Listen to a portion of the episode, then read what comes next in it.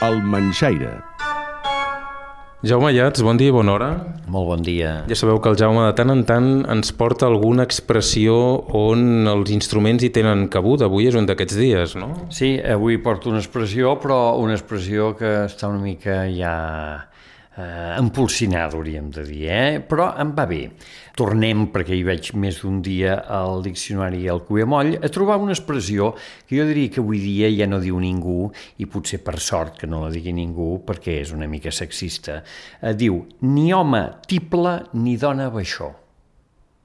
Home tiple seria home de veu aguda, o que canta amb veu aguda, ni dona baixó, doncs que canta amb veu baixa o amb aquest instrument que és el baixó que eh, modernament té parentiu amb el, amb el fagot, oi? Eh, per tant, vindria a dir d'una manera, jo crec que força sexista, eh, que no volem homes amb actituds, aparença, veu de dona, segons el tòpic, ni dones amb expressió veu d'home. Uh, per tant, uh, podríem dir de, de seguida que més val guardar ben tancada l'armari aquesta dita i uh, deixar-la oblidar tranquil·lament en el Museu dels Records. Però, eh, per altra banda, aquesta dita ens fa entendre la gran insistència en la nostra cultura d'identificar veu aguda en veu femenina i veu greu en veu masculina. De tal manera que històricament, a mi em sap greu perquè moltes dones durant tota la seva vida no han explorat la part greu de la seva veu, que fins al cantant podrien eh, fer-la servir moltíssim, o els homes no hem explorat la part aguda de la nostra veu. Eh, jugant amb els mecanismes, amb el mecanisme que estem parlant és el que s'acostuma a dir mecanisme 1, si jo ara parlés així estaria fent servir un mecanisme 2, doncs resulta que les dones, molt sovint, amb el món coral, se les fa cantar amb el mecanisme 2 i els homes amb el mecanisme 1 i no es creu adequat que un home canti amb, amb, amb el 2 o una dona canti amb l'1.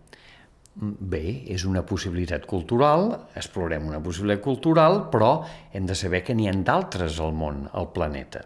I eh, la metàfora de, de la nostra cultura de veu aguda femenina igual, o, o femení, la metàfora femenina igual a agut, a puresa, o un so de la Mare de Déu o virginal, si ens posem amb el registre religiós, i en canvi eh, una veu eh, d'home greu, profunda, sòlida, terrenal, a vegades també inquietant o que fa por, no, no, no abandonem, doncs resulta que, que el tenim tan arrelat que ens sembla que tot el planeta ho fa igual. I resulta que no, que al planeta hi ha moltes altres maneres d'entendre-ho. Ho entendreu de seguida amb un exemple.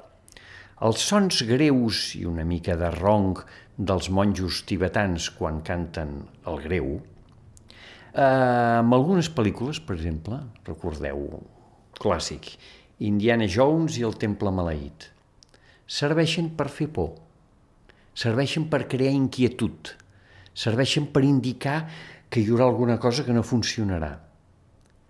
En canvi, sabem perfectament que en la cultura tibetana aquest so greu i ronc dels monjos és un efecte de tranquil·litat, de fonament, de cosa estable, de crear la construcció de tot l'univers des d'un fonament bàsic de so eh, eh, original, i en canvi Hollywood ha tirat per al tòpic d'aplicar un tòpic eh, europeu nord-americà que ha de servir per tota la humanitat. Doncs sí, ho hem de saber. El so no és percebut, el so que fem els humans, no és percebut amb les mateixes metàfores ni amb el mateix sentit a totes les cultures. I la cultura europea més aviat anem arrasant altres maneres d'entendre altres llocs del planeta, fent eh, que la nostra metàfora sigui la de tothom. Avui només diré, va, dos exemples molt petits. Al Senegal, a la Casa Mansa, hi ha un instrument, que és el crinc. És un tambor eh, que té com una mena de làmines que es percudeixen i aquestes làmines, unes tenen un so eh, més greu i un altre un so més agut. Doncs bé, resulta que el so agut és el dels homes i el so greu és el de les dones, exactament al revés de la percepció europea i ho tenim relativament a prop dintre les grans distàncies del planeta. Altres llocs de centre Àfrica, d'Àfrica Central, precisament agafen el xilòfon i situen l'octava greu, en diuen la mare, perquè és el fonament, perquè és la terra, perquè és allà on s'aguanta tot. I en canvi, les octaves més agudes són els fills, en masculí, i resulta que trobem el masculí i el femení exactament invertit amb el que és la nostra manera habitual. O sigui que, si us plau, quan sentiu una, uns sons, una música, no doneu per fet que allò que nosaltres percebem és la metàfora en la qual està feta aquella música o que ho percep tothom. I eh, tornant a l'expressió la dita del principi, doncs haurem d'abandonar probablement el record aquest ni home tiple ni dona baixó i si algú vol fer servir, no sé, jo he fet aquí una carallotada d'inventar-me una proposta nova home tiple i dona baixó, de tot n'hi hagi, no en falti no. Ens ho apuntem. Gràcies, Jaume. Sempre aprenem alguna cosa nova amb el Manxaire. Fins la propera. A reveure.